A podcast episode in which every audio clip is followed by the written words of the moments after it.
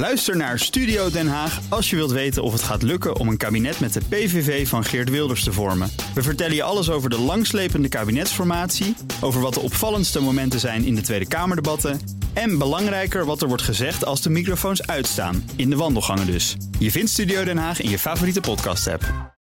De column van Jaap Jansen. Volgens de dikke van Dalen is een gamechanger een gebeurtenis waardoor de situatie totaal verandert.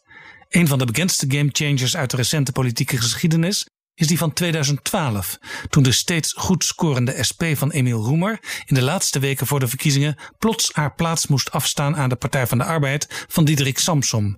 Cruciaal daarbij was het RTL-debat waarin VVD-lijsttrekker Mark Rutte Roemer overblufte.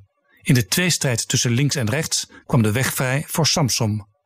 Zo'n gamechanger heeft zich in de verkiezingscampagne van 2021 niet voorgedaan. Maar onder de radar blijkt ook nu het eerste grote televisiedebat bij RTL bepalend te zijn geweest. Sindsdien ging Rutte in de peilingen omlaag, Sigrid Kaag van D66 omhoog en wist het CDA met Wopke Hoekstra de juiste route niet meer te vinden. De VVD is verguld met haar zetelwinst. Toch bleef voor Rutte, zeker ook gezien de afbladdering van het CDA en andere middelgrote partijen, een echte premierbonus uit. Zijn grootste electorale succes, 41 zetels, stamt alweer uit 2012. De echte winnaar van deze verkiezingen is Sigrid Kaag. Voor het eerst in de geschiedenis geldt voor D66 dit keer niet: regeren is halveren. Met deze uitslag plaatst Kaag zich in het rijtje Jan Terlouw, Hans van Mierlo en Alexander Pechtold.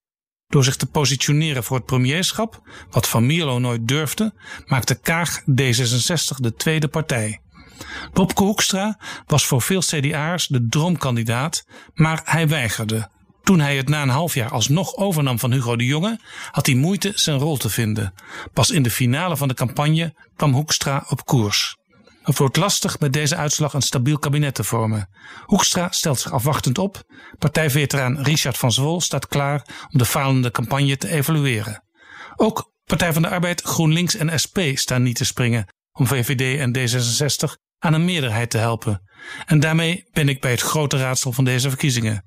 In een tijd waarin alom geroepen wordt om een socialere aanpak, realiseert links de belabberdste uitslag ooit. Deze drie moeten nu toch echt fundamenteel aan zelfonderzoek gaan doen. En bij alle problemen voor het vormen van een coalitie moet ik ook de Eerste Kamer aanstippen.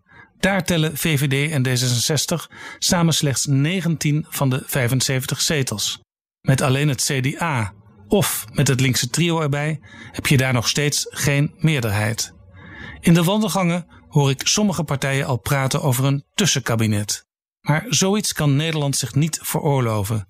Een nieuw kabinet moet er voluit voor gaan om Nederland in Europa ambitieus uit de crisis te trekken. En over vier jaar, als Rutte zijn gedroomde record heeft gevestigd als langstzittende premier en Kaag en misschien toch ook Hoekstra zich als leiders verder hebben ontwikkeld en links een oplossing heeft gevonden voor links, dan is het vanzelf weer tijd voor nieuwe verkiezingen. Met hoogstwaarschijnlijk opnieuw een verrassende uitslag.